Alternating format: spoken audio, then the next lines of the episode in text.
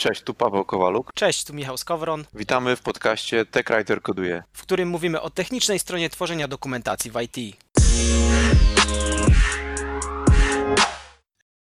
No cześć Paweł, co tam u Ciebie? O, cześć Michał, nie zauważyłem Cię. A u mnie nic, no zastanawiam się jak mierzyć jakość kanapek. Jak mierzyć jakość kanapek? A wiesz co, to Tak. dobrze, dobrze się składa, bo dzisiaj mamy gościa, jego pewnie też nie zauważyłeś. A wiesz kto to jest? Nie wiem, siedzi tyłem. Proszę się odwrócić na fotelu. Y, Cześć chłopaki, nie zauważyłem was. O, to Rafał. Hej, nie zauważyłem Cię, Rafał. O, tak, no to jest Rafał. Rafał już u nas był kiedyś, pamiętasz, rozmawialiśmy z nim. Tak, zdarzyło Tak. się. Rafał, Rafał Pawlicki. Znany dosyć w e, społeczności techwriterskiej w Krakowie. No, nie przesadzałbym, ale może mój przypadek jest bardziej znany, bo specyficzny. Człowiek legenda, jako jedyny, który y, przeszedł z programowania do dokumentacji. To będą o nim książki kiedyś pisać, a póki co będziemy nagrywać podcasty. Rafała zaprosiliśmy ponownie, bo zrobił to, co niektórzy nasi goście robili już w przeszłości, czyli odezwał się na grupie na Facebooku. Y, Jeśli chodzi y, o, o to, co nagrywaliśmy wcześniej, mianowicie o web scrapingu, miał parę komentarzy, więc stwierdziliśmy, że za karę go znowu zaprosimy, żeby z nami porozmawiał ale będziemy rozmawiać nie o samym web scrapingu, tylko właśnie tak jak e, Paweł wspomniałeś już o mierzeniu jakości. To Rafał, co, co cię do nas sprowadza? To znaczy, wiecie, y, po pierwsze, słuchałem tego waszego podcastu i, i tak jak zawsze, y, bardzo wartościowy, aczkolwiek trochę mnie zmotywował do tego, żeby rozwinąć ten temat, bo mierzenie jakości dokumentacji, czy to na podstawie źródeł, y, właśnie tak jak, ta, tak jak tam w podcaście opisywaliście, czy to na podstawie jakichś innych metryk, o których pewnie dzisiaj porozmawiamy, to jest bardzo szeroki temat i, i pozwala y, zrobić dużo. To znaczy, ja u mnie pojawił się taki problem, albo wyzwanie bardziej. Y, Jestem jedynym documentation managerem w firmie, w której mamy deweloperów i to deweloperzy piszą dokumentację, czyli nie mamy technical writerów. No i jak się możecie domyślać, jednoosobowy zespół, taki one-man band, y, no to ciężko się skaluje, więc tutaj się pojawia dużo aspektów związanych z automatyzacją, z, y, właśnie ze sprawdzaniem jakości, ze standardami, no i dlatego, dlatego przychodzę. To znaczy, chciałem o tym z Wami porozmawiać, bo jako technoskryby y, pewnie też macie jakieś swoje przemyślenia na ten temat. A jak byś rozumiał to mierzenie jakości? Co jest miarą jakości? No i to jest, to jest właśnie bardzo fajna rzecz, to znaczy bardzo dobre i trafne pytanie. To znaczy, ja się zastanawiałem nad tym już na y, konferencjach, czy podczas, podczas konferencji, na których byłem, y, między innymi na, na, na Soapie, czy na Ride the Dogs.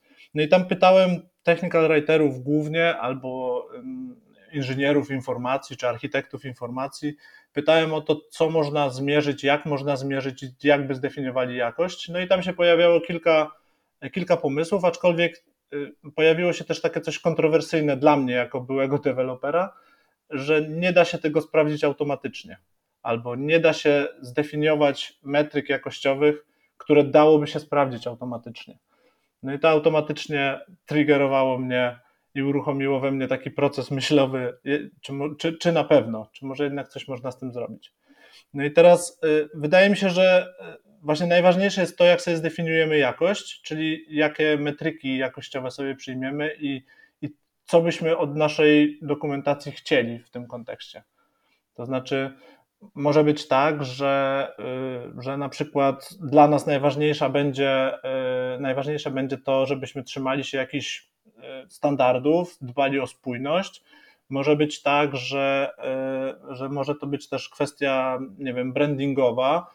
Y, To znaczy, wszystkie te aspekty razem, jest ich dużo, myślę, to są tylko niektóre, y, budują takie, taką dokumentację, która jakościowo jest dobra. I teraz ja bym chciał się dzisiaj zastanowić nad tym, jak możemy to zmierzyć. To znaczy, czy da się to w ogóle zmierzyć, albo jak połączyć to z innymi elementami, które moglibyśmy też mierzyć, i jak zrobić tak, żeby dokumentacja, a dokładnie właśnie dbanie o jej jakość było takie sterowane danymi. Bo wiem, że poświęciliście chwilę też na ten temat wcześniej, więc może warto o tym porozmawiać. Ja jestem, ja jestem zgodny z Tobą. Nie wydaje mi się, że nie da się automatycznie mierzyć jakości albo prze, przełożyć jej na jakieś liczby, jakieś metryki. Mhm. Do tych rzeczy, o których mówiłeś, y, jakość dokumentacji powiedziałeś, że może być możemy sprawdzić, czy jest spójna wewnętrznie lub zgodna z naszymi standardami. Powiedziałeś, że są kwestie brandingowe. Ja myślę, że ważną cechą jakości jest to, czy produkt, który tworzymy, spełnia swoją rolę. Nie? Czyli na przykład, Tak. jak mamy krzesła, no to czy się nie wyłamują nogi z nich, czy można na nich siedzieć, prawda? Więc z dokumentacją jest tak samo. Y, Dokumentacja może mieć taki cel, na przykład, że użytkownicy z powodzeniem używają naszej aplikacji. I teraz y, jest wtedy trudne pytanie, tak jak powiedziałeś, jak to mierzyć? No bo jak używają z powodzeniem, no to sobie używają. Nie? Czy my możemy e, z metryk stwierdzić, że używają wszystkich funkcjonalności albo tych, które są im, im potrzebne, a jeżeli tak jest, to czy możemy w jakiś sposób udowodnić, że to dlatego, że dokumentacja jest poprawna? Może aplikacja jest na tyle samo e, jakaś taka wyjaśniająca się, że nie potrzebuje dokumentacji. Y, może być y, z drugiej strony taka negatywna metryka, która nam powie, że dokumentacja nie jest wysokiej jakości, bo na przykład ludzie chodzą po tej dokumentacji, a potem się pytają supportu o coś, czyli nie znaleźli odpowiedzi w dokumentacji. Ja bym chciał tutaj nawiązać do tego, Rafał, co mówiłeś, było dla ciebie takim punktem zapalnym, jeśli chodzi o zgłębianie tematu. Mianowicie ten komentarz, że nie da się tego robić automatycznie, tylko ja bym chciał, żebyśmy może na początku rozróżnili właśnie takie rejony, które możemy mierzyć i co możemy mierzyć, bo wydaje mi się, że po części ten komentarz może był prawdziwy, że pewnych, pewne rzeczy może nie tyle się nie da, co ciężko jest y, zmierzyć automatycznie i wymagają one już na przykład tego, żeby użytkownik rzeczywiście przeszedł przez jakąś procedurę i on wyraził swoją opinię. Nie możemy na przykład zaprząc do tego jakiegoś automatu, który nam przeklika po czymś i stwierdzi, że tak to jest dobre, tak to jest złe. Dla mnie na przykład to, czy procedura jest dobrze zrobiona i czy ona jest właściwa i czy da się przejść z powodzeniem, może być ciężkie do zmierzenia automatycznie. Na Soapie w zeszłym roku była ta prezentacja mm, Gregory, Brzeski, Gregory Brzeski i Adam Dobrawy, oni mieli taką prezentację właśnie, gdzie pojawił się motyw y, tego robocika, który klikał i tu właśnie się pojawiły te kontrowersje, że jeśli robocik przeklikał, no to człowiek też powinien. Przynajmniej ja to tak zrozumiałem, ale dla mnie to nie jest to samo, więc bo każdy człowiek może rozumieć inaczej to, co my napiszemy i może być dużo zmiennych, które decydują o tym, czy ta procedura jest poprawna. No i to będzie też jakiś wymiernik, miara jakości, czy ludzie sobie radzą z tym, co napisaliśmy. Ale jest też gro takich rzeczy, które pewnie da się zmierzyć automatycznie, czyli tak jak na przykład spójność dokumentacji pod względem stylu, nieużywanie zakazanych słów, branding, czy jakiś layout i tak dalej, i tak dalej. Jest pewnie masa rzeczy, które jesteśmy w stanie zmierzyć automatycznie i to byśmy chcieli robić, więc nie wiem, może najpierw zaczniemy od skategoryzowania, co my w ogóle chcemy mierzyć czy to się da zmierzyć automatycznie. Myślę, że bardzo dobre podejście, to znaczy taki trochę krok wstecz, bo może, znaczy jeśli rozmawiamy o jakości, to bardzo łatwo popłynąć i do tego też dojdziemy, że można bardzo wiele rzeczy sprawdzić, w zależności od tego, ile jesteśmy w stanie na to poświęcić czasu, jak skomplikowane zrobimy mechanizmy i tak dalej. Więc zaczynając od tego, może ja Wam troszkę opowiem o tym, co udało nam się zrobić u nas w firmie, bo to troszkę też pokazuje to nasze podejście i tam też się pojawiają kategorie. Kategorie takich, albo takie duże grupy aspektów, które możemy, możemy uwzględniać, myśląc o jakości. Więc po pierwsze, powiedzieliśmy sobie, że musimy mieć jakiś standard dokumentacji. Taki standard dokumentacji w większości firm jest. Ten standard w naszym przypadku zawiera dużo istotnych informacji, jeśli zaczynacie tworzyć, budować dokumentację. On jest o tyle istotny, że tak jak wspomniałem, u nas robią to deweloperzy. To znaczy, że tam muszą znaleźć się informacje na temat tego, jakie są grupy odbiorców dokumentacji, muszą znaleźć, musi znaleźć się jakaś struktura dokumentacji, czyli jakiś podział na, na rozdziały. Muszą się pojawić opisy typów dokumentacji, bo to też może być w różnych przypadkach w przypadkach różnych produktów może to być różna dokumentacja. Może to być czasami dokumentacja dla technicznego użytkownika, czasami dla jakiegoś operatora, który powiedzmy korzysta z GUI. No i oczywiście pojawiają się też aspekty, te, które też wspomniałeś, takie brandingowe, wynikające z tego, że no chcemy, chcemy się jakoś identyfikować, żeby ten nasz produkt był jakoś identyfikowany, to znaczy używamy konkretnych słów, stylu i tak dalej, i tak dalej. Tutaj w tym standardzie też znajdziecie taki style guide, co też prawdopodobnie wszyscy, którzy dokumentacją się zajmują albo rozwijają ją u siebie mają. No i teraz tak, na bazie tego standardu jesteśmy w stanie właściwie wyspecyfikować, i to zrobiliśmy, wyspecyfikować takie metryki, tak, tak je nazywamy, metryki, które są zero-jedynkowe, to znaczy albo dana dokumentacja ją, to, tą daną metrykę spełnia, albo nie. I to jest bardzo istotne, to znaczy bardzo istotne, żeby to było zero-jedynkowe, dlatego że później chcemy w sposób automatyczny albo programatyczny y, sprawdzać jakość dokumentacji. No i teraz, y, jakie to mogą być metryki? Y, może to być coś w stylu, czy moja instrukcja zawiera wprowadzenie, czy moja instrukcja zawiera sekcję requirements, czy nie wiem, na przykład mamy listę kroków w tej instrukcji, ale mogą to być też różnego rodzaju metryki w stylu, czy ten dany dokument wypełnia style guide w rozumieniu takim, że y, no, na przykład nie zawiera jakichś słów, których tam nie chcemy, nie mamy tam jakiegoś passive voice'a i tak dalej, i tak dalej. Więc y, to było dla nas kluczowe, żeby to określić, żeby takie, takie metryki określić i ich też, po pierwsze, one nie, nie mogą być wieloznaczne albo niezrozumiałe, y, po drugie, nie może być ich za dużo, no bo koniec końców y, deweloper musi rozumieć, jak, jak ma ogarnąć całą dokumentację i co musi finalnie zrobić, żeby ona była dobra, jakościowo dobra. No i od tego zaczęliśmy. No i tutaj wydzieliliśmy takie kilka takich, właściwie trzy takie duże grupy na start. Y, powiedzieliśmy sobie, że chcemy sprawdzić na początku techniczne aspekty jakości, to znaczy, czy to trochę omawialiście właśnie w tym podcaście, w tym odcinku wcześniejszym, to znaczy sprawdzamy, czy dokumenty są w dobrym formacie, czy nie ma żadnych syntaktycznych błędów, y, czy wszystko jest zgodnie z tym, jak jakiego narzędzia używamy, czy wszystko tam jest poprawnie, y, poprawnie się ta dokumentacja buduje, poprawnie się publikuje i tak dalej. I to jest jedna rzecz, którą, y, którą możemy sprawdzić. Druga grupa to są odnośniki i powiązania do różnego rodzaju zasobów. I tu jest istotne coś, co nam ostatnio doszło, co może wydawać się oczywistym, ale nie było łatwe do, do sprawdzenia. To znaczy sprawdzamy również zewnętrzne odnośniki, to znaczy odnośniki do różnego rodzaju zewnętrznych zasobów albo na przykład do, do różnych paneli logowania czy autoryzacji. I to jest o tyle istotne, że to pozwala znowu rozwinąć skrzydła i zbudować jeszcze bardziej zaawansowane metryki, bo możemy sobie powiedzieć, czy instrukcja, która linkuje do strony, która z kolei przekierowuje do logowania, czy ta instrukcja zawiera informacje czy requirements y, wskazujące na to, że będzie trzeba się zalogować i trzeba mieć konto. No i, i tak możemy tutaj, że tak powiem, pędzić, y, ile nam tylko wyobraźnia pozwoli. Y, to, I to, to, te linki to jest taka druga kategoria, a trzecia to właśnie związana ze strukturą i z tym takim przyjętym modelem, jakbyśmy chcieli, żeby dany typ dokumentacji wyglądał. To znaczy, jeśli powiemy sobie, że mm, budujemy na przykład jakiś developer guide, y, to wiemy, że powinna być w nim sekcja reference na przykład, czy, czy jakiś API reference. No i teraz, jeśli jest ta sekcja, no to, to spoko. Jeśli nie ma tej sekcji, to wskazujemy, że czegoś tutaj brakuje. Z drugiej strony możemy być bardziej specyficzni i powiedzieć, co w tej sekcji ma się znaleźć, w jakim formacie te dokumenty mają być i tak dalej, i tak dalej. To trochę o czym już powiedzieliście. To są takie trzy, podsumowując, takie trzy duże y, grupy, czyli pierwsze takie techniczne błędy, syntaktyczne, y, związane czy wynikające wprost z narzędzia, w którym budujemy dokumentację. Druga grupa to właśnie linkowania, połączenia, spójność pomiędzy, zachowa, zachowanie spójności pomiędzy dokumentami. A trzecia rzecz to taki model związany bardziej stru ze strukturą tego, jakbyśmy chcieli, żeby dana dokumentacja wyglądała. Czyli to są e, te łatwiejsze rzeczy do sprawdzenia, tak. bym powiedział.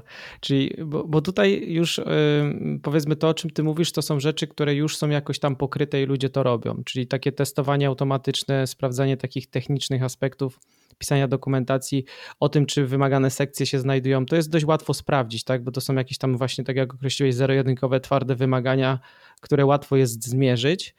E, no i tutaj maszyna nam może dużo pomóc. E, my też mieliśmy ostatnio z Pawłem prezentację na TC World e, online o semantycznym testowaniu, gdzie w DICie możemy na przykład sobie sprawdzać, że te instrukcje są poprawne, bo możemy sobie tagować pewne elementy w tekście i następnie tworzyć jakieś testy, które nam sprawdzą, czy powiedzmy dana ścieżka istnieje fizycznie w produkcie, albo że na przykład jak wywołamy daną komendę, to ona rzeczywiście nam zwróci taki, taki output. To jest jakby trochę idąc dalej od tego, co ty mówisz, ale to też nam pozwala pewne takie y, twarde wymagania sprawdzić. A ja mam takie pytanie, bo ty mówisz tutaj o y, mierzeniu jakości. Ja rozumiem, że to, o czym ty mówisz, to jest jakby już. Y, mierzymy dokumentację, która już została zrobiona. A czy deweloperzy, którzy piszą dokumentację, mają narzędzia, które pomagają im spełnić te wymagania w trakcie pisania dokumentacji, czy wy to dopiero mierzycie, jak już jest to napisane? No i właśnie dochodzisz do tego ciekawego momentu, no bo oprócz tego, że sobie zrobimy taki model i powiemy, jak, y, jak wyglądają metryki i co tak naprawdę sprawdzamy, y, to pytanie, co robimy z tym dalej? No i teraz my podeszliśmy do tego w taki sposób, że po pierwsze, y, dostarczyliśmy metodę do sprawdzania czy generowania takiego raportu i sprawdzania wszystkich tych metryk, dostarczyliśmy ją już w narzędziu w którym dokumentację tworzymy. To znaczy, my tworzymy dokumentację w Docsas Code, przygotowaliśmy mm, taki, e, takie narzędzie, które troszkę otula w naszym przypadku Sphinxa różne nasze funkcjonalności, dzięki czemu między innymi jest taka metoda, która pozwala na bazie poniekąd mechanizmów, które są w Sphinxie, a poniekąd kilku naszych rozwiązań, wygenerować taki statyczny, bardzo ładny wizualnie i przejrzysty raport, który pokazuje w tych trzech aspektach, o których wspomniałem, y, jak wygląda dokumentacja na teraz, to znaczy w momencie, kiedy ją budujesz. Y, I tym samym, jeśli mamy coś takiego w narzędziu, no to jest to też zintegrowane z całym procesem y, CI/CD, to znaczy w momencie, kiedy ktoś wdraża, próbuje merge'ować jakieś zmiany w dokumentacji, no to też jest odpalany skrypt, który używając dokładnie tych samych reguł, generuje taki sam raport i pokazuje temu, kto de facto reviewuje tą dokumentację, pokazuje na co powinien zwrócić uwagę, co powinno zostać poprawione, albo w super prostej wersji, jaki jest y, poziom dokumentacji, bo przyjęliśmy sobie też jakąś skalę, to znaczy powiedzieliśmy sobie, że, y, że dokumentacja może być na jednym z trzech poziomów, co wynika trochę z tego, jakie mamy priorytety, to znaczy jeśli mówimy sobie, że mamy dokumentację dla nietechnicznego gościa, no to dla niego może ważne będą na przykład topiki opisujące w pełni funkcjonalności, a, a mniej ważny będzie reference guide, nie? Więc, e, więc na bazie czegoś takiego e, deweloper, który już pisze dokumentację, czy jest w trakcie pisania dokumentacji, może sobie dowiedzieć się, gdzie jeszcze powinien coś poprawić, a z drugiej strony reviewer, który dostaje dokumentację do przejrzenia, też jest w stanie na podstawie tych samych metod to, to, to, to sprawdzić. To powiem Ci, że fajnie to wygląda. Widzę, że coś sobie tam ogarnęliście tak, żeby Wam się żyło łatwiej. To, są różne narzędzia, które pozwalają też y, na bieżąco sprawdzać to, czy spełniamy wymagania. My na przykład mamy schematrona, bo pracujemy w Dicie i on też y, działa tak, że w trakcie pisania dokumentacji y, my mamy zrobione jakieś reguły, które nam sprawdzają nasz, nasz powiedzmy tekst pod kątem tego, głównie na przykład tego, czy w style, spełniamy wymogi naszego style guide'a. A później jak budujemy dokumentację, puszczamy też jakby takie sprawdzenie na całej dokumentacji i też robimy taki sam raport, który pokazuje wszystkie błędy tak przekrojowo przez cały dokument, bo niekoniecznie akurat y, osoba pisząca dokumentację dotknęła wszystkich topików, w których jest problem, może akurat była w tym jednym, no i nie widziała problemów w innych topikach, nie? Znaczy dla mnie, dla mnie to jest istotne i to jest bardzo ważny wątek, y, to znaczy związany z tym z planowaniem i z tym, jak dokumentacja się dzieje. To znaczy, w sytuacji, kiedy pracujecie w firmie, gdzie macie zespół technical writerów, y, oni się zajmują dokumentacją, oni ją utrzymują, oni są na bieżąco ze standardami, to sprawa jest troszkę prostsza jednak niż w sytuacji, kiedy wdrażamy nowe standardy, czy wdrażamy w ogóle standardy związane z dokumentacją wśród tam 300-400 deweloperów. Y, I teraz dlaczego? Dla, albo jak to, się, jak, jak to się wiąże i co tutaj mam na myśli? W momencie, kiedy wygenerujemy taki raport i ten raport będzie dostępny na etapie pisania dokumentacji, a później na etapie review, to jesteśmy w stanie nauczyć deweloperów, gdzie popełnili błędy i na co następnym razem trzeba zwrócić uwagę. To znaczy, ja mocno wierzę w to, że y, deweloper, który zauważy taki błąd i czy po prostu zaprezentujemy mu ten błąd w zjadliwej formie, pokazując jednocześnie, jak można go naprawić, bo to też w tym raporcie znajdzie. To znaczy, tam są hinty, y, które mówią, no, co trzeba zrobić, żeby, żeby tą konkretną metrykę jednak zaliczyć i dostać odpowiednią ilość punktów.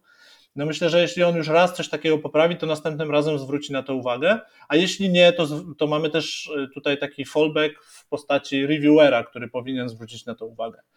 Więc to jest taka wartość edukacyjna w mojej ocenie, bardzo istotna w sytuacji, kiedy opieramy proces pisania dokumentacji czy tworzenia dokumentacji o deweloperów albo osoby, które wprost nie mają wykształcenia, nie uczyły się i nie pracują tylko i wyłącznie jako technical writer.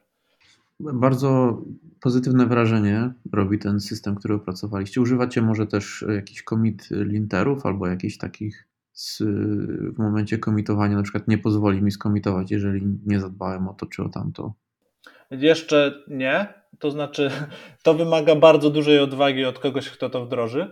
To znaczy dzisiaj cieszymy się tym, kiedy dokumentacja powstaje i powstaje coraz lepsza, albo staje się coraz lepsza, więc y, jesteśmy, znaczy pewnie docelowo tak to się skończy, aczkolwiek nie jesteśmy na takim etapie, żeby powiedzieć, że dzisiaj błąd w dokumentacji, y, taki można powiedzieć miękki, nieistotny, albo związany właśnie ze stylem, żeby, żeby takie coś blokowało nam wdrożenie na przykład aplikacji, a bardzo często ta dokumentacja jest, w związku z tym, że to jest Doxas Code, jest przechowywana gdzieś koło kodu aplikacji, w związku z czym wdraża się razem.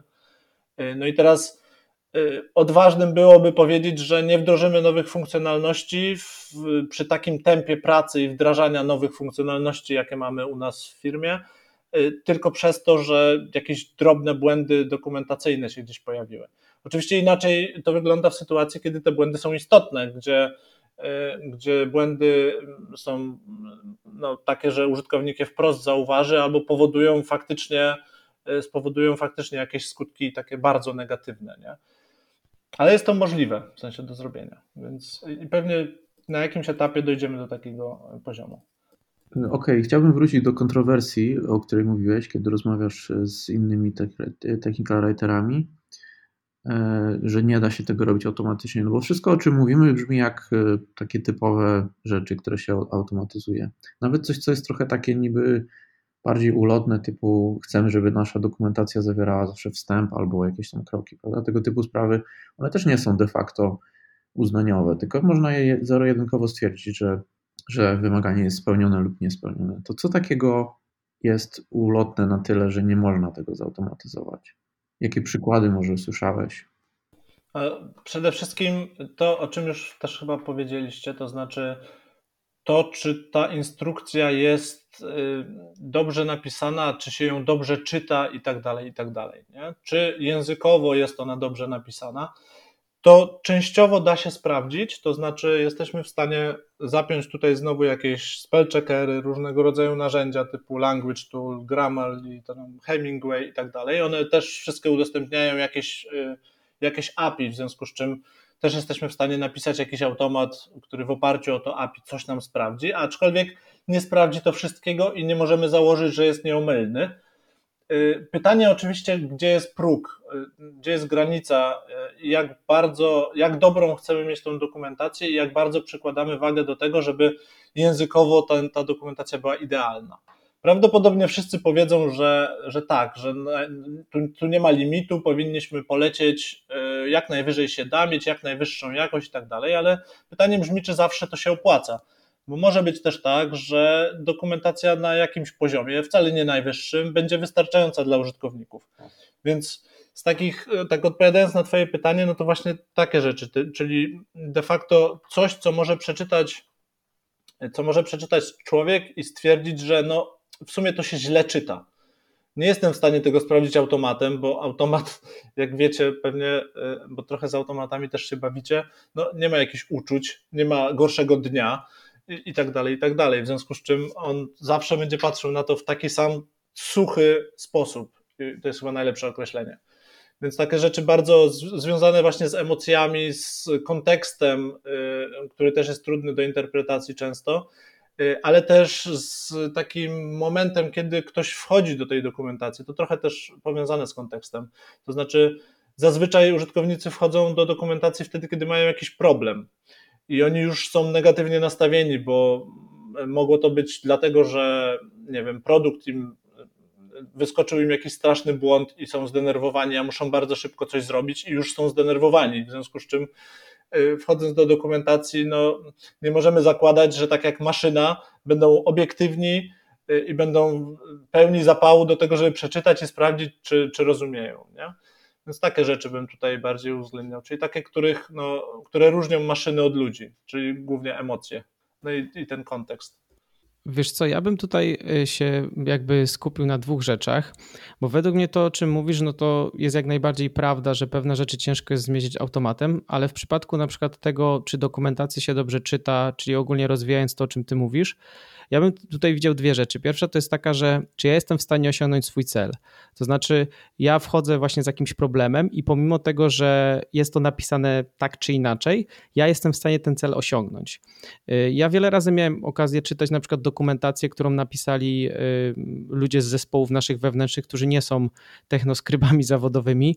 Y, no i ta dokumentacja, no no była jaka była, no na przykład nie wiem, krok był na trzy linijki rozpisany, wiadomo są pewne dobre praktyki, przez co się lepiej lub gorzej czyta dokumentację, ale ja czytając y, tą procedurę byłem w stanie osiągnąć cel, czyli rozwiązałem swój problem. Chociażbym to napisał lepiej, y, powiedzmy lepiej, no może napisałbym to inaczej według innych reguł i rozpisałbym ten tekst inaczej. Więc to jest jedna rzecz, czy ja jestem w stanie osiągnąć ten cel, y, który, który mnie interesuje, a druga rzecz to jest właśnie to, czy to jest napisane dobrze, czy to się lekko czyta, czy to jest y, napisane w sposób jakby właściwy według dobrych praktyk.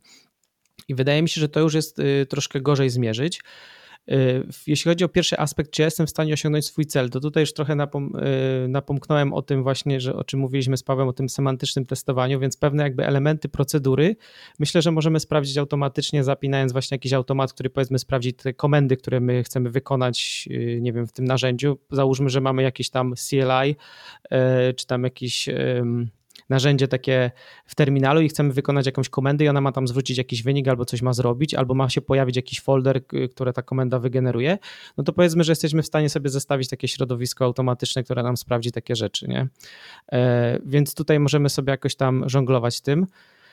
No a druga rzecz to jest właśnie to, y, ten aspekt taki, czy to jest dobrze napisane, czy to jest na przykład krótkie kroki, czy one są przejrzyste, czy człowiek jakby mm, czyta tą dokumentację i ma uśmiech na twarzy, tak? I, I to można pewnie tam zmierzyć, wiesz, długość zdania, ilość podpunktów. Są pewne takie kryteria, które decydują o tym, czy tekst jest y, jakby przejrzysty dla człowieka, y, ale wydaje mi się, że to jest jakiś limit, do którego możemy dojść i więcej tego nie jesteśmy w stanie sprawdzić. Chociaż zastanawiam się, czy teraz, jeśli y, sztuczna inteligencja i machine learning rozwija się tak mocno, to czy nie jesteśmy w stanie takich mechanizmów, y, może nie teraz, ale w przyszłości zaprząc do tego, żeby przeanalizować tekst y, naszej dokumentacji i sprawdzić różne aspekty. Kiedyś na przykład po głowie mi chodziło sprawdzanie sentymentu naszej dokumentacji, czyli żeby sprawdzić, czy on jest negatywny wydźwięk, pozytywny albo neutralny. Nie tak jak się na przykład sprawdza teksty na social media albo na przykład review e, krytyków filmowych i tak dalej, czy na przykład w dokumentacji coś takiego by nie można było zrobić. No i mamy też ten indeks czytelności, który ty już wspomniałeś o nim, gdzie możemy zmierzyć tam jakieś y, rzeczy związane z tym, czy tekst jest przejrzysty, na jakim poziomie trudności jest i tak dalej. Więc ja bym tutaj te dwie rzeczy jakby trochę rozróżnił. No i może byśmy się skupili na tym, jak sobie poradzić z tym, co jest trudniej zautomatyzować. Ja myślę, że y, tak postaram się jeszcze tylko odnieść do tego, co powiedziałeś. To znaczy, y, zaczynając od tego osiągnięcia celu, masz absolutną rację. To znaczy, po to jest dokumentacja, żeby ułatwić komuś osiągnięcie celu. Ja trochę egoistycznie dopowiem tylko, że egoistycznie dlatego, że z perspektywy menadżera, który tym zarządza, że bardzo ciężko jest y, sprawdzać i zarządzać dokumentacją w momencie, kiedy nie mamy takiej stałej struktury, czy tej części właśnie takiej, którą możemy sprawdzić y, tak zero-jedynkowo, to znaczy w momencie, kiedy y, kiedy powiemy, że instrukcja może być napisana obojętnie jak, ale ma doprowadzić cię do celu, to bardzo ciężko automatem będzie sprawdzić, czy, czy faktycznie w, gdzie są miejsca na improvement, gdzie, gdzie możemy coś poprawić. Y, no bo, no bo jak, nie? Automat musiałby interpretować dokument, który jest w nieznanym formacie, według żadnych reguł pisany konkretnych, więc, więc to byłoby trudne. Y, więc tutaj też jest kwestia tego, y, kwestia tego, czego oczekujemy od dokumentacji i, i, jak chcemy nią zarządzać, ile jej też mamy, bo to też jest istotne. To znaczy, jeśli mamy y, dosłownie, nie wiem, kilkadziesiąt dokumentów, no to jesteśmy w stanie nawet y, oczami i rączkami sobie ładnie tym zarządzić, ale w sytuacji, kiedy mamy dużo dokumentacji i dużo dokumentów w tych dokumentacjach, no to jednak jakiś automat tutaj no, musi się pojawić. Y, druga sprawa, też zgoda, to znaczy jesteśmy w stanie dojść do jakiegoś etapu sprawdzania tych rzeczy, które możemy automatem sprawdzić. Y, I pewnie są aspekty, których się nie da sprawdzić, przynajmniej nie da się ich sprawdzić dzisiaj. Y, w przyszłości, tak jak mówisz, możliwe, możliwe że będzie to możliwe, może tak to ujmę, ale pytanie brzmi, czy to, co już dzisiaj nie możemy sprawdzić, czy to nie robi roboty? To znaczy, w moim przypadku, w momencie, kiedy wdrożyliśmy te, te, te, ten taki checker i generowanie raportu, mi bardzo dużo pracy odpadło związanej z review. To znaczy, dzisiaj, kiedy ktoś do mnie przychodzi i prosi o review, no to ja generuję raport, odsyłam go i mówię, jak zrobisz, to wróć. I teraz to, ma, to, to jest może trochę y, negatywny wydźwięk, bo to wygląda tak, jak bym mu powiedział, weź przeczytaj sobie manual, ale do tego to się sprowadza. To znaczy, chodzi też o to, żeby nauczyć i zbudować taką świadomość, że jest narzędzie do sprawdzenia wszystkich rzeczy, które w mojej ocenie są istotne, czy w, w, w kontekście jakości dokumentacji są istotne, do których człowieka nie potrzeba. Więc nie musimy marnować czasu innych ludzi, reviewerów i tak dalej, żeby oni y, sprawdzali, czy zrobiłeś literówki, czy twoje linki działają i tak dalej, i tak dalej. Y, no i teraz wydaje mi się, że to już na tym etapie Y, jest dobre. W sensie widzę tutaj tylko miejsce na to, że mogło być jeszcze lepsze y, w momencie, kiedy będziemy to uzupełniać o kolejne funkcjonalności, nie? czyli właśnie to, to, o czym mówiłeś, czyli sprawdzanie y, tego, czy wydźwięk jest negatywny, pozytywny. Tego u nas jeszcze nie ma, ale brzmi bardzo fajnie i bardzo chętnie to zaimplementuję, więc myślę, że to tak, tak by mogło wyglądać. I teraz jeszcze tylko jedna rzecz, bo mówisz o tym, czego się nie da zmierzyć. Można by tutaj przejść płynnie do tematu analityki, to znaczy sprawdzić, jak wygląda kwestia tego, tych informacji, które jesteśmy w stanie zebrać o naszej dokumentacji w kontekście tego, jak ona jest używana. Teraz, y, co mam tutaj na myśli? No, y, byłem ostatnio też na konferencji y, na Ride the Dogs w, w tym roku w Pradze, co prawda w wirtualnej Pradze, ale tam były bardzo dwie fajne mm, prezentacje. Jedna Abigail Sutherland a, a odnośnie optymalizacji dokumentacji, którą oni mają, w, przechowują w Confluencie, y, a druga Carisy y, Van Bolen, która mówiła właśnie o analityce. To znaczy, jak używać analityki do mm, organizowania i ulepszania swojej dokumentacji. I myślę, że to jest bardzo ciekawy wątek. Ja bym chętnie zapytał Was, co Wy myślicie, jak Wy wykorzystujecie albo chcielibyście wykorzystywać analitykę, to znaczy jakiś set danych związanych, związanych czy wynikających z tego, jak ktoś korzysta z dokumentacji. Co Wy z tym dzisiaj robicie albo co byście chcieli robić? Rafał, ja bym jeszcze nawiązać do tego, co powiedziałeś o tym, po co są te metryki jakości potrzebne i to, i to się fajnie wiąże właśnie z tematem analityki, no bo mówisz, że metryki jakości ułatwiają pracę w zarządzaniu dokumentacją, nie? czyli dostajesz jakąś taką liczbę, jakąś taką flagę, która ci mówi, to trzeba zrobić albo tam to trzeba zrobić. Nie? Na takim wysokopoziomowym, y, y, jakby z, z takiego punktu widzenia wysokopoziomowego jest to bardzo, bardzo cenne.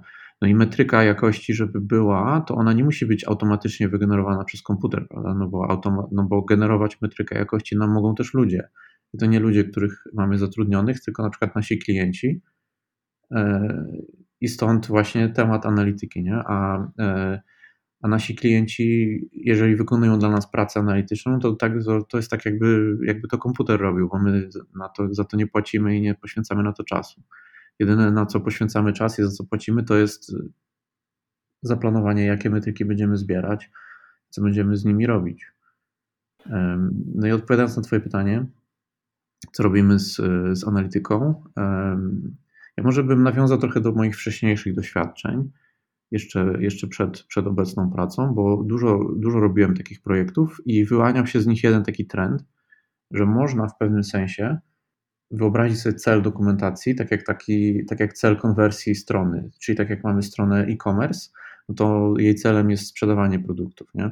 Jeżeli mamy stronę z dokumentacją, no to jej celem może być i tak jakby w moim doświadczeniu się wyłoniły dwa cele. Jeden to jest, cel jest taki, że ludzie się nie kontaktują z helpdeskiem i drugi cel jest taki, że ludzie się kontaktują z działem sprzedaży albo klikają jakiś tam przycisk kup albo klikają jakiś tam przycisk, żeby się dowiedzieć ile coś kosztuje, prawda? Czyli to, to nam mówi, że odnieśliśmy, sukces, że ta dokumentacja pomogła. I to nam rozwiązuje takie, e, takie problemy, których nam automatyczne sprawdzanie treści nie, nie sprawdzi. To znaczy, możemy sprawdzić, czy procedura, którą napisaliśmy, jest ładnie napisana i czy jest poprawna technicznie, na przykład komendy, które wpisaliśmy, faktycznie działają, ale to nam nie powie, czy ta procedura jest potrzebna komuś. I to nam też nie powie, czy nie napisaliśmy jakiejś procedury, która jest potrzebna. Natomiast całe mnóstwo ludzi, którzy przychodzą na naszą stronę i jakieś tam w jakieś interakcje wchodzą z tą stroną, oni nam powiedzą, czy czegoś brakuje, czy nie brakuje. I to też było wspomniane w prezentacji, o której mówiłeś, odnośnie analityki i celów analitycznych w dokumentacji. Bo tam też autorka nawiązała do e-commerce'u i powiedziała, że ten cel konwersji jest trochę inny. Ona to nazwała deflection rate, czyli od, e, ilość osób, które się odbijają od e, dokumentacji i nie kontaktują się z supportem. Nie chodzi o tworzenie sztucznych barier, tylko chodzi o faktyczne rozwiązanie problemu, zanim będziemy, będziemy musieli zaangażować nasze dodatkowe zasoby w firmie, żeby temu człowiekowi pomóc. Dokładnie, dokładnie tak. To znaczy, i teraz y, ja podchodzę do tego tematu podobnie. To znaczy, posiadając jakieś dane o tym, jak użytkownicy korzystają z y, dokumentacji, to znaczy, do których dokumentów dochodzą, jak przechodzą pomiędzy dokumentami, jak długo, jaki długi czas spędzają na danym dokumencie, a, a w szczególności w jakiejś zagregowanej formie, które sekcje są najbardziej istotne dla użytkowników. Takie informacje pozwalają nam na to, żeby powiedzieć, jakoś spriorytetyzować pracę nad dokumentacją, powiedzieć, że ta część dokumentacji tej konkretnej, w tym konkretnym przypadku, albo w przypadku tego konkretnego produktu, jest najbardziej istotna i nad nią powinniśmy się najbardziej pochylić. To pozwala też, y, w mojej ocenie, to jest taka pętla zwrotna, to znaczy pozwala ustalić też wagi dla tych metryk, o których rozmawialiśmy wcześniej. To znaczy, jeśli sobie na początku założyłem, że w Developer Guide najbardziej istotna będzie część związana z, z referencem, no to dostaję potwierdzenie albo zaprzeczenie tej tezy w sytuacji, kiedy zbieram dane o tym, czy użytkownicy faktycznie czytają te dokumenty, wchodzą do tej sekcji, czy też nie. Więc to jest, to jest y, jedna fajna rzecz. Druga rzecz, y, tam w, tym, w tej wspomnianej prezentacji, tam też jest spięcie, e, bo tutaj pełna zgoda związana z, znaczy pełna zgoda z tym, co powiedziałeś odnośnie celów, które, które mamy. To znaczy, jeśli uda nam się przy pomocy dokumentacji zniwelować czy zmniejszyć liczbę e, requestów, które wpadają do naszego supportu, no to już wygraliśmy. I teraz tam jest też wspomniane w tej prezentacji, jest wspomniany aspekt właśnie badania zadowolenia czy zbierania feedbacku typu like, dislike y, dla danego dokumentu i sprawdzany, sprawdzany jest też taki współczynnik właśnie, czy to było pomocne, czy nie, jak to się ma do popularności tego dokumentu, jak to się ma do jakości tego dokumentu i tak dalej, i tak dalej. Czyli wszystkie te metryki razem i, i myślę, że dopiero wszystkie razem dają nam taki pełny ogląd y, sytuacji i po, y, taką odpowiedź na pytanie, jak jakościowo dobra jest nasza dokumentacja. Ja tutaj mam jeszcze taką e, jedną rzecz, jeśli chodzi o analitykę, bo ekspertem w ogóle nie jestem w tej kwestii, ale kiedyś starałem się trochę jakby zrozumieć to, co Google Analytics mi podawało. To było akurat w kontekście strony bardziej z blogiem niż dokumentacji, ale powiedzmy, że jest to podobny temat. Chodziło o to, że mamy tam jakieś statystyki, czy tam jakieś liczby, które są zbierane przez nasze narzędzie do analityki i teraz y, zaczynałem szukać jakichś artykułów, jak interpretować te liczby, które tam się pojawiają. No bo powiedzmy, że mamy y, twarde liczby, czyli tak, liczba odsłon strony, liczba użytkowników unikalnych, liczba y, bounce rate tak zwany, czyli ile osób na przykład weszło tylko na tą jedną stronę i wyszło z niej, tak, i nigdzie dalej nie poszło. I teraz w zależności od tego, co mierzymy, czyli jaki rodzaj strony, czy, czy jaki powiedzmy, nie wiem, jaki rodzaj treści, to te liczby mogą być interpretowane całkowicie inaczej. Na przykład y, w przypadku bloga czy dokumentacji, y, wysoki bounce rate może oznaczać, że jest to sukces, tak? Czyli wydaje mi się, że ta pani, o której mówiliście w prezentacji o analityce, ona też właśnie pokazywała, że im wyższy deflection rate, y, tym lepiej poprawcie mnie, jeśli, jeśli się mylę. E, czyli to by sugerowało właśnie tak jak tutaj, że jeśli mamy wysoki bounce rate, że ktoś wszedł na tą jedną stronę i wyszedł z niej, to znaczy, że znalazł to, czego tam szukał, E, no i jest zadowolony, już więcej nie musiał nic dalej szukać, tak? Pod, przypadku- warun pod warunkiem, że to nie była strona opisująca, jak się skontaktować z supportem. No, no właśnie, widzisz, i to jest to, o czym ja mówię, tak? Bo y, mamy jakieś tam suche liczby, które ktoś ma jakieś ogólne zasady, że to powinno być takie, a to powinno być takie, a to powinno być takie, ale to właśnie kontekst czy inne wymiary dużo zmieniają w tym, jak my interpretujemy te liczby. W przypadku bloga było mniej więcej podobnie, czyli jeśli my mieliśmy na przykład link do artykułu i ktoś y, wchodził na ten link, i na przykład wychodził z niego, no to mieliśmy na przykład, nie wiem, wysoki bounce rate, no to ja na przykład do końca nie wiedziałem, jak mam to interpretować. Czy to dobrze, że on wszedł i wyszedł, bo przeczytał artykuł, był zadowolony i, się, i fajnie, czy wszedł, nie spodobał mu się w ogóle cały blog, bo stwierdził, że ten artykuł jest beznadziejny i nie miał potrzeby, żeby iść dalej i na przykład zobaczyć inne, bo jak gdyby kliknął w inne artykuły, to by mi na przykład to sugerowało, że o, fajny artykuł, to może poszukam jeszcze czegoś ciekawego na tej stronie, więc by jakby został dłużej, tak? I teraz jak to interpretować? Dlatego, dlatego powiedziałem o tym, że dopiero w momencie, kiedy połączysz wszystkie rzeczy, o których już dzisiaj rozmawialiśmy, dopiero wtedy jesteś w stanie wyciągnąć jakiekolwiek wnioski. To znaczy, sama analityka nic ci nie da, bo będziesz miał takie zagwozdki, właśnie o których powiedziałeś. Y, Samo sprawdzenie jakości takiej technicznie, czy tam język jest spoko, czy struktura jest spoko i tak dalej, też ci nic nie da, bo nie wiesz, jak użytkownicy z tego korzystają i czy w ogóle korzystają. Y, No i sprawdzenie, czy to jest zgodne z jakimkolwiek przyjętym przez Ciebie modelem, no to też Ci nic nie da w momencie, kiedy znowu nie masz feedbacku od użytkowników. No i teraz, jeśli zestawisz to wszystko ze sobą, to ja bardzo wierzę w to i w tym kierunku będziemy rozwijać naszą dokumentację, że będziesz w stanie powiedzieć, y, jaki masz teraz priorytet. To znaczy, będziesz w stanie zestawić jakość dokumentu, taką rozumianą jako ta, nazwijmy to, sucha jakość, czyli, y, czyli taka wygenerowana automatycznie, sprawdzona automatycznie, y, wszystkie te metryki, o których rozmawialiśmy, jak, jaka jest relacja takiej jakości do tego, jak używają tego użytkownicy, jak oni po pierwsze oceniają te dokumenty, bo tutaj też jest oczywiście y, temat szerszy, to znaczy lajki, dislajki mają swoje wady i zalety. To znaczy, no, pewnie wiecie, że w większości przypadków dostanie się, do, dostanie się w ramach takiego feedbacku dislajki, a nie lajki, a bardzo rzadko dostaniemy też wyjaśnienie takich dislajków, więc to też jest jakiś szeroki temat, ale bardziej chodzi o to, że zbierając informacje o tym, czy dokument był przydatny, czy też nie, zestawiając to z tym, jak dokument jest napisany, jak wygląda ta sucha jakość, y, to, to będziemy dopiero wtedy w stanie powiedzieć, czy my możemy coś tutaj zrobić, czy nie. To znaczy, możemy zaryzykować wtedy stwierdzenie i postawić sobie tezę, no tak, ludzie tutaj wchodzą do tego dokumentu, czytają go 12 minut, a potem przechodzą jeszcze 15 dokumentów, więc na podstawie takiego, takiej analizy jesteśmy w stanie powiedzieć, że może coś z tym dokumentem jest nie tak. I teraz, jeśli zestawimy to sobie z tym, co nam wyszło z tej takiej suchej metryki, to może się okazać, że faktycznie jest coś nie tak, bo na przykład ten dokument jest źle ułożony, zawiera jakieś, nie wiem, jest źle po prostu napisany, nie, technicznie. I myślę, że to jest, to jest, to jest cenna informacja. Albo ktoś wziął, otworzył artykuł, e, czy tam e, topik w dokumentacji, e, zostawił go otwarty przez 12 minut, bo po pierwszych dwóch zdaniach stwierdził, że nie rozumie i wstał od biurka, tylko zapomniał strony zamknąć i poszedł do kolegi się zapytać, czy, czy mu jest w stanie pomóc. I tak był otwarty ten artykuł przez 15 minut, co nie znaczy, że on go czytał. Nie no, teraz się czepiam i, żartuję, wiadomo. Ale, ale, ale masz, masz rację, co prawda liczę na to, że troszkę aktualna sytuacja, to znaczy, że wszyscy siedzimy w domu i pracujemy zdalnie. Akurat tu działa na naszą korzyść, to znaczy dużej różnicy w tym, czy ja poszukam w dokumentach, czy zapytam kolegi, może potencjalnie nie być, albo ta różnica może być troszkę zredukowana.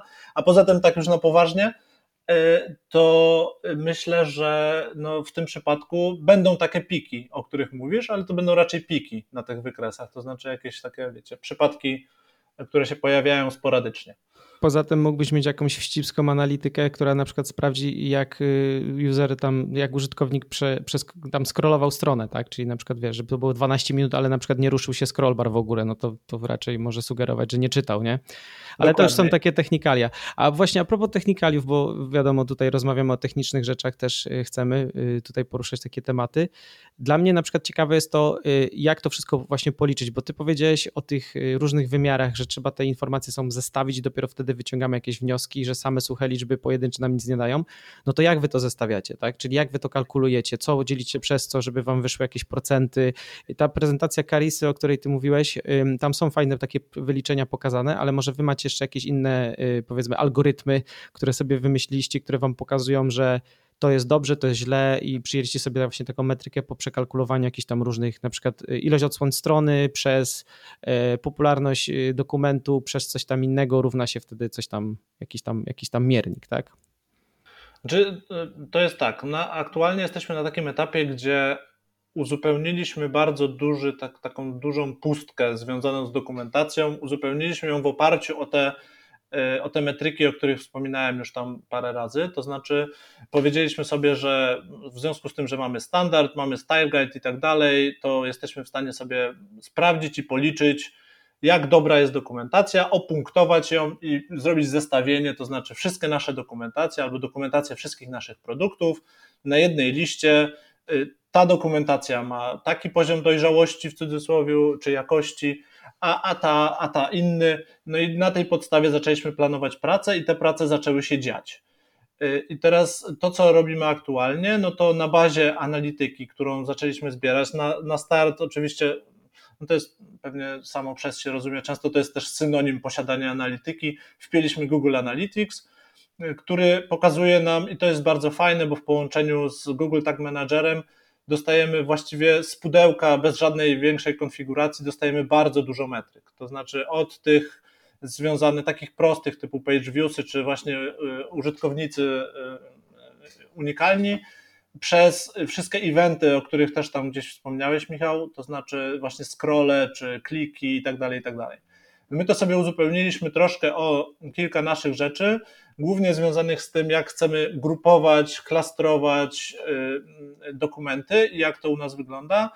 Y, aczkolwiek y, bardzo dużo tutaj nie zrobiliśmy jeszcze. To znaczy, na razie to jesteśmy na takim etapie takiej analizy oczami, która pozwoli nam właśnie taki, taki mechanizm zrobić w formie automatycznej. To znaczy, patrzymy, co się zebrało, patrzymy, jaka jest relacja jednego z drugim i na, na, tej podstawie, prawdopodobnie za pośrednictwem API, które, które też jest w przypadku GA dostępne, będziemy y, po pierwsze, i taki mam plan, automatyzować priorytety w, w tym modelu, to znaczy będziemy mówić, że ważniejsza dla nas teraz na podstawie ruchu i tego, jak użytkownicy korzystają z dokumentacji, ważniejsza jest ta, a nie ta sekcja. To jest jedna rzecz. Druga rzecz, będziemy też w stanie na podstawie takich priorytetów planować pracę z zespołami, co jedno z drugiego wynika. Y, ale nie podam tutaj dzisiaj żadnych wzorów, w sensie równań, które powiedzą, jak coś liczymy, no bo jeszcze troszkę na to za wcześnie w naszym przypadku. Ja jeszcze może gwoli uzupełnienia tego, co mówiliśmy o łączeniu ze sobą analityk y, Chciałbym dodać, że z mojego doświadczenia sama, y, sama Google Analytica, zgadzam się tu z Wami 100%, ona nam nie mówi za dużo o dokumentacji, bo nam mówi właśnie, że ktoś, że strona była dla kogoś e, e, exit page'em, albo mówi nam, ile czasu ktoś spędził na stronie i tak dalej. E, natomiast my to powinniśmy sobie łączyć z jakimś innym wydarzeniem na tej stronie. Nie? Czyli na przykład, jeżeli mierzymy deflection rate, no to chodzi o to, żeby ktoś nie kliknął w kontakt z supportem, Natomiast jeżeli zdarzy się tak, że ktoś w to kliknął, no to wiemy na jakiej stronie to było. I już automatycznie mamy kandyda stronę kandydata do jakiejś tam inwestygacji, żeby się zastanowić, dlaczego na tej stronie ktoś kliknął, skontaktuj się z supportem. Druga sprawa to jest na przykład te exit page. W ogóle tych przykładów, te przykłady można by mnożyć, one się wyłaniają trochę jakby ze struktury dokumentacji, ale inny przykład exit page'a jest taki, że jeżeli mamy stronę, która jest tylko i wyłącznie listą linków i ona nam mówi, kliknij tu, żeby dowiedzieć się o tym, kliknij tam, żeby dowiedzieć się o czymś innym.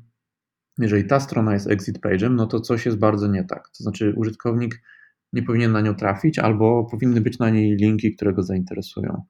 To jest też istotne jest, Paweł, bo mówimy tutaj o exit page'ach i jak najbardziej słusznie o, o nich mówisz, a, a istotne jest też skąd użytkownicy przychodzą, czyli ten tak zwany referer.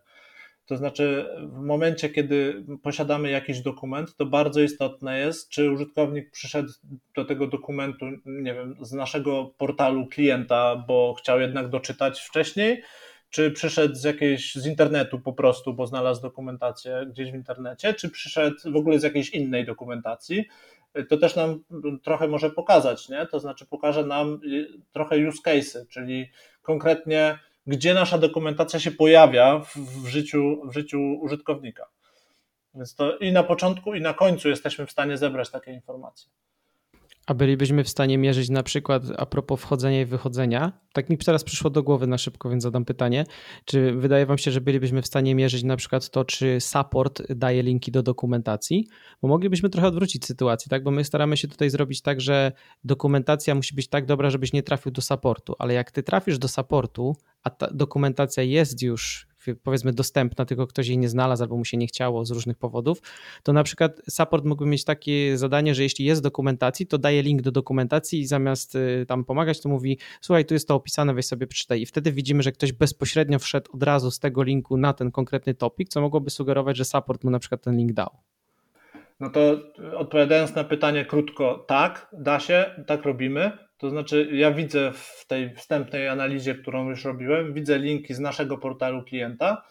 E, to znaczy, w momencie, kiedy ktoś e, no, wchodzi na, na, na szczegóły ticketu, no to jest w stanie zobaczyć też jakieś linki do supportu, znaczy od supportu do dokumentacji.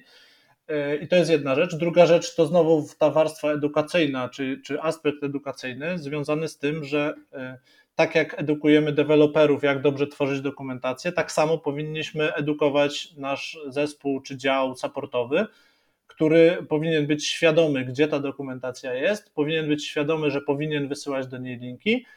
No i w obu tych przypadkach, y, czyli i w przypadku supportu i deweloperów, istotne jest to, żeby pokazać im to, że to ma znaczenie, to znaczy realnie ktoś z tego korzysta. I to jest bardzo ciekawy wątek, o którym też myślę warto porozmawiać, czy tam kilka minut mu poświęcić. To znaczy, jak ta analityka y, może działać organizacyjnie, y, czy tak trochę menedżersko w firmie. W momencie, kiedy zaczęliśmy tworzyć dokumentację u nas, y, były wątpliwości, szczególnie gdzieś tam po stronie właścicieli produktów, dla których to był, no, tak jak możecie się domyślić, bardzo często koszt czyli no, wprost mówiąc, po, potrzebowaliśmy godziny deweloperów, czy kilku tam, kilkunastu godzin dewelopera, który musiał napisać dokumenty. I teraz trzeba było realnie przekonać product ownera, że to ma sens i że to, no, mówiąc wprost, tą dokumentację ktoś czyta. No i teraz możemy to zrobić, nie? I teraz y, nie dość, że możemy pokazać, że użytkowników jest sporo, nie dość, że możemy pokazać, że oni faktycznie czytają, bo nawet ten time spent to już jest jakaś informacja, w połączeniu z tymi innymi, o których mówiliśmy, jeszcze bardziej bogata y, mogłaby być. No to oprócz tego, że możemy to pokazać, to możemy też pokazać, jaka jest relacja y, właśnie jakości tego, co oni dostarczają, do tego, jak to jest używane. I znowu możemy y, świadomie z product ownerami czy z właścicielami takimi biznesowymi y, usiąść do stołu i porozmawiać, no wiesz co, mamy tutaj taki przypadek, gdzie w Twojej dokumentacji brakuje czegoś, widzimy, że użytkownicy się odbijają albo nie rozumieją dokumentów, albo przechodzą do supportu, mimo że je przeczytali, a mógłbyś tutaj zaoszczędzić trochę pieniążków, no bo podbijając tą jakość dokumentu, no bo widzimy, że ona też jest słaba w tym przypadku i tak dalej, i tak dalej. To jest bardzo istotne w kontekście takiego zarządzania też y, priorytetami, planowania pracy dla zespołu i tak dalej, i tak dalej. W naszym przypadku szalenie istotne, dlatego że no, zespoły, y, szczególnie, szczególnie teraz w tej aktualnej sytuacji, y, czyli tej, gdzie, gdzie jednak no, rynek trochę, trochę przez pandemię ucierpiał w niektórych miejscach, to jest bardzo istotne, żeby tego czasu deweloperów nie zabierać za dużo albo więcej niż trzeba. Więc musimy sobie tutaj powiedzieć, gdzie warto czas poświęcić, a i na co ten czas poświęcić, a na co, na co nie. Z analityką jest tak, że ona nam pomoże, jeżeli mamy dużo tych użytkowników. A ze stronami z dokumentacją czasem jest tak, że ich jest bardzo mało i nic z tych liczb e, nie można wywnioskować. Natomiast te maleńkie liczby, które dostajemy, mogą być dla nas e, wtedy wskazówką do jakichś tam manualnych działań, bardziej takich powiedzmy eksploracji tej dokumentacji, czyli jeżeli widzimy jakieś trendy tego, że coś się stało exit page'em albo coś generuje dużo zapytań do supportu, po prostu przeglądamy to e, i staramy się sami dojść do tego, e, co tutaj można poprawić. Ale wtedy też się pojawia pytanie, czy warto to robić, skoro dokumentacja jest tak mała i tak mało ma e, odbiorców. Czy jeszcze, jeszcze jeden aspekt, taki troszkę, może powinniśmy troszkę wcześniej też o nim porozmawiać. Wydaje mi się, że analityka pozwala nam też na jedną fajną rzecz, to znaczy na usprawnienie samej dokumentacji albo narzędzi do tworzenia tej dokumentacji. To znaczy, ja widziałem to, y, już teraz widzę po tej analizie, którą już wstępnie zrobiłem, y, że no, może to nam dać dużo ciekawych, cennych informacji. To znaczy, od takich prostych na zasadzie y, z, z jakich urządzeń, w jakich rozdzielczościach nasza dokumentacja jest przeglądana, przez na przykład mm, takie też, które dostajemy z pudełka, informacje na temat użytkowników, czyli ich lokalizacja i tak dalej, i tak dalej. Może wyciągniemy kiedyś z tego wnioski, albo dojdziemy do takiego wniosku, że y, warto przetłumaczyć dokumentację, bo duża część użytkowników nie wiem, jest z jakiegoś konkretnego kraju. Y, niekoniecznie potrzebuje dokumentacji po angielsku. Y, może warto będzie się zastanowić, czy nie skupić się na przykład na urządzeniach mobilnych, bo może tam ktoś używa naszej dokumentacji, może to jest istotny odsetek, y, na który powinniśmy też zwrócić uwagę. Więc taki aspekt narzędziowy y, czy rozwinięcia samych narzędzi do dokumentacji też tutaj możemy się pobawić, czy rozwinąć go jakoś w oparciu o dane, które zbieramy użytkowników. I też, Rafał, mówiłeś o priorytetyzacji zadań. Dokumentacja, analityka z dokumentacji może nam pokazać, że jest jakaś tam część dokumentacji, której nikt nigdy nie czyta albo bardzo rzadko. I możemy się pokusić wtedy o taki eksperyment i na przykład nie aktualizować tych części. Dokładnie. A powiem, powiem jeszcze, wrócę tylko do tej prezentacji, o której też wspomniałem. Abi, Sutherland y, mówiła o tym, jak oni ogarniają przy pomocy takich danych analitycznych ogarniają dokumentację, którą mają w Confluencie. Co prawda w naszym przypadku byłoby to jeszcze fajniejsze, bo u nas tej dokumentacji jest jeszcze więcej, a im więcej, tym bardziej się opłaca to automatyzować. Ale ona zrobiła coś takiego, że mm, zebrała informacje na temat tego, kiedy dokumenty były tworzone, y, jak często były odwiedzane i tak dalej, i tak dalej. Zebrała sobie dane, które wprost w tym przypadku w Confluencie miała. To znaczy, i to jest też istotne, to znaczy, może nie zawsze warto używać Google Analytics, albo inaczej, nie tylko Google Analytics. Y, może warto użyć też tego, co daje nam w kontekście analityki samo narzędzie. No i teraz przy zestawieniu takich informacji typu kiedy strona była stworzona, kiedy była ostatnio modyfikowana, kiedy ostatnio ktoś na nią wchodził i tak dalej, i tak dalej, y, Abi zrobiła taką, czy przygotowała taką hitmapę, która pokazała, że no, są dokumenty, które są takie bardzo ciepłe i, i, gorące, i tam ludzie wchodzą, a są takie, do których absolutnie nikt nie wchodzi. I to jest, to, to jest może oczywisty wniosek. Co prawda, y, znaczy w każdej dokumentacji tak jest, ale ważniejsze było to, że udało się tam znaleźć, mm, odkopać de facto w całej tej strukturze dokumentacji, odkopać dokumenty, które są gdzieś na dole na siódmym poziomie drzewka, które są najbardziej popularne, mimo że cała ta sekcja czy cała ta gałąź nie jest, nie jest właściwie odwiedzana. I to, to pozwoliło jej też y, zrobić taki refactoring całej tej struktury, podejść do tematu jeszcze raz, wyciągnąć te dokumenty, które są istotne w odpowiednie miejsce i tak dalej, i tak dalej, a jednocześnie to, co powiedziałeś, Paweł, czyli nie pochylać się nad dokumentami, których nikt nie czyta. I to też istotne, nie? Ona też tam fajnie mówiła o wadze pewnych parametrów, to znaczy, o ile nie pamiętam szczegółów, ale w jej wyliczeniach e, do hitmapy e, część, e, jakiś parametr dostawał większą wagę, jeżeli na przykład strona była stworzona niedawno, albo też były filtrowane ilości odwiedzeń w jakichś takich oknach czasowych. Pamiętam, że tam, że to odgrywało jakąś rolę. Wydaje mi się, że dużą rolę mogą odgrywać właśnie takie takie powiedzmy drobne tweaki, drobne zmiany do tych, do, do wag, jakichś metryk, które ze sobą porównujemy. Tak, no tutaj pewnie chodziło też o taki, wiesz, okres ochronny, to znaczy powstał nowy dokument, no i oczywistym jest, że nie będzie miał miliona wyświetleń, bo jest nowy i tak dalej, i tak dalej, w związku z czym trzeba pewnie taki okres ochronny na początek e, tutaj zachować. No a kiedy mamy zdefiniowane jakieś cele typu na, na przykład e, deflection rate, to też możemy się pokusić o eksperymenty i Google też dostarcza to narzędzie e, do testów AB. E, możemy spróbować na przykład pokazać dwie różne strony startowe i zobaczyć, która nam lep, lepszą, lepszą deflekcję daje. Czy próbowaliście może robić już coś takiego? Mówię, że używaliście też tag managera, więc może Weszliście głębiej w te narzędzia? Jeszcze nie, aczkolwiek warianty to są, to, to jest wątek, który u nas w związku z tym, w jakiej branży my pracujemy, czyli w tej branży wydawniczej, to jest bardzo popularna rzecz i używana od dawna, więc myślę, że w tym przypadku y, też pewnie spróbujemy to zrobić, aczkolwiek wydaje mi się, że trochę jest za wcześnie. To znaczy, tych tematów, jak, jak sami słyszycie teraz, zresztą sami też macie jakieś swoje doświadczenia, tych tematów, jak można by rozwijać dokumentację, jest tak dużo, że gdybyśmy chcieli się rzucić na wszystkie, no to, to, to nie starczyłoby nam dnia. Yy, dlatego musimy sobie też jakiś priorytet ustalić. No a u nas priorytetem na razie jest zrobienie tak, żeby chociaż jeden z wariantów dokumentacji był tak dobry, jakbyśmy tego chcieli. No a potem dopiero przejdziemy do eksperymentów. E, czy robiliście też jakąś analizę wyszukiwań? Czego ludzie wyszukują w waszej dokumentacji? E, robiliśmy, ale na razie na, na podstawie tej analizy wychodzi nam tylko to, o czym już wcześniej rozmawialiśmy, czyli jakie dokumenty są popularne.